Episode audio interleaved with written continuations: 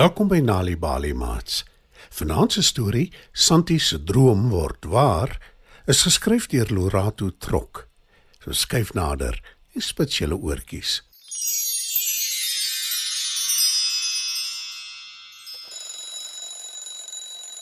Elke oggend wanneer Santi wakker word, vertel sy haar mamma watter droom sy die vorige nag gehad het. En elke oggend is haar droom snaakser en vreemder. Een nag droom sy sy's op 'n ruimteskip saam met haar beste vriende Dani en Binky. En die volgende oggend vertel sy haar mamma daarvan. Mamma moes my gesien het in my ruimtepak. Ons het almal soveel pret gehad. Maar net toe ons ruimteskip op die maan wou land, gee Binky 'n harde gil en word wakker. Nou is ek sommer kwaad vir haar.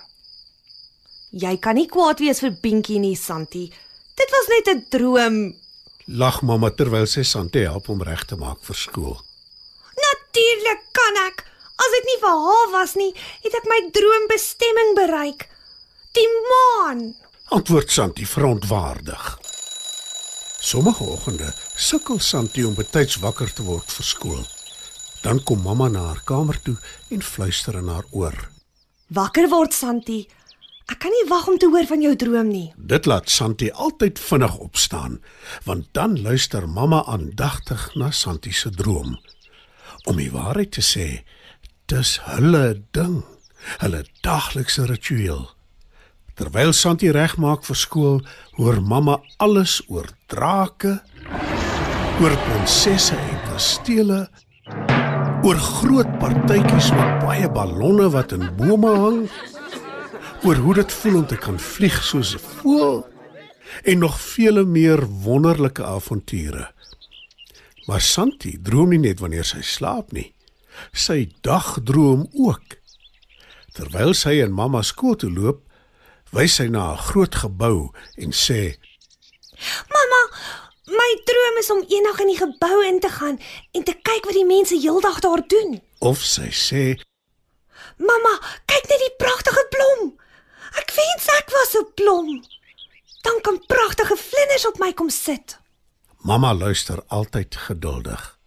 En wanneer hulle by die skool aankom, soen sy haar dogter totsiens. By die skool vertel Santi vir Binky en Dani, haar twee beste maats, van haar drome. Ek het gedroom ek kan swem soos 'n dolfyn. Vertel Santi hulle. En albei geniet dit om te hoor van haar drome. Party van hulle is regtig nogal snaaks, maar ongelukkig is almal nie so inskikkelik nie. Basie, die klas se boelie, spot altyd die ander kinders en hy soek gedurig moeilikheid. Sy groep vriende is net so erg soos hy. En wanneer hulle van Santi se drome hoor, spot hulle haar en maak grappe. Ou droommeisie. Waaroor het jy nou weer gedroom? Dat jy koningin van die wêreld is? Tart Basie haar. Sy vriende lag haar uit en die trane rol oor arme Santi se wange. Haar vriende probeer haar troos. Hulle sê vir haar sy moet Basie net ignoreer. En toe, op 'n dag, terwyl hulle in die klas sit en na hulle onderwyser luister, hoor hulle 'n vreemde geluid. Wat was dit? Vra die onderwyser. Die geluid word al harder en die onderwyser word al kwaader. Toe staan Basie op. Hy lag en sê: Ek dink ek weet wat dit is. Dis Santi van sy droom sy's 'n padda, 'n groot ou vet brul padda. Almal in die klas lag, behalwe die onderwyser, Santi en haar maats. Dis onaanvaarbaar, Basie. 'n Mens spot nie jou klasmaats nie. Vra dadelik vir Santi om verskoning. Sê die onderwyser kwaai. Sorry jou Santi.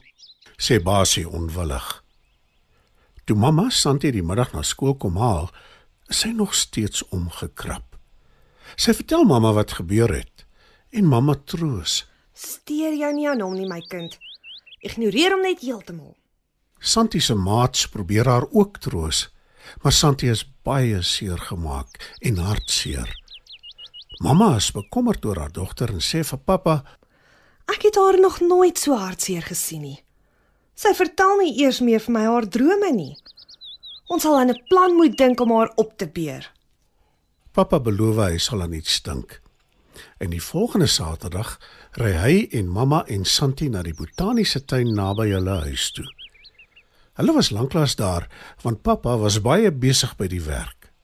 Mamma en pappa is albei so opgewonde, Santi kan nie anders as om te glimlag nie. Sy hou baie van die botaniese tuin en sy besef hulle wil haar bederf. Maar sy het nie voorsien hoe groot die bederf gaan wees nie. By die botaniese tuin aangekom, loop hulle oor die grasperk. Santi luister na al die voëls wat vrolik sing en die rivier wat deur die tuin vloei. Skielik steek sy vas, want onder 'n groot boom is al haar klasmaats. Pinkie! Dani, Roep Santi en vra vir pappa en mamma. wat maak hulle hier? Mamma en pappa antwoord nie. Hulle glimlag net. Santi draf na haar maats toe. En sy sien die hele boom is versier met ballonne. Sjoe. Wat gaan hier aan? Dis soos 'n droom. Sê Santi vir Binkie en Dani. Hoe bedoel jy? Vra Binkie. En Dani sê Ons is uitgenooi na jou partytjie toe. Santi draai na haar ouers en sê Mamma, pappa, dis so waar my droompartytjie. Dis reg. Met ballonne en al. glimlag mamma.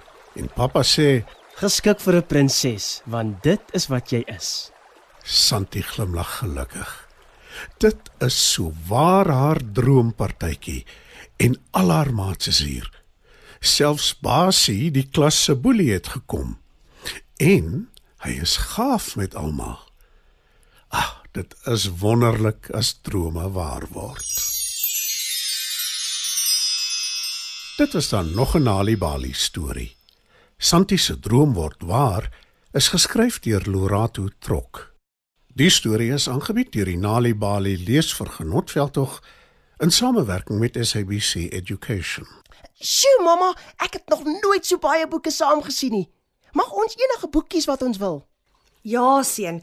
Openbare biblioteke leen boeke uit en die beste van alles is enigiemand kan by 'n biblioteek aansluit. Alle volwassenes kan 'n voorbeeld stel vir hulle kinders deur hulle plaaslike openbare biblioteek te besoek saam met hulle kinders.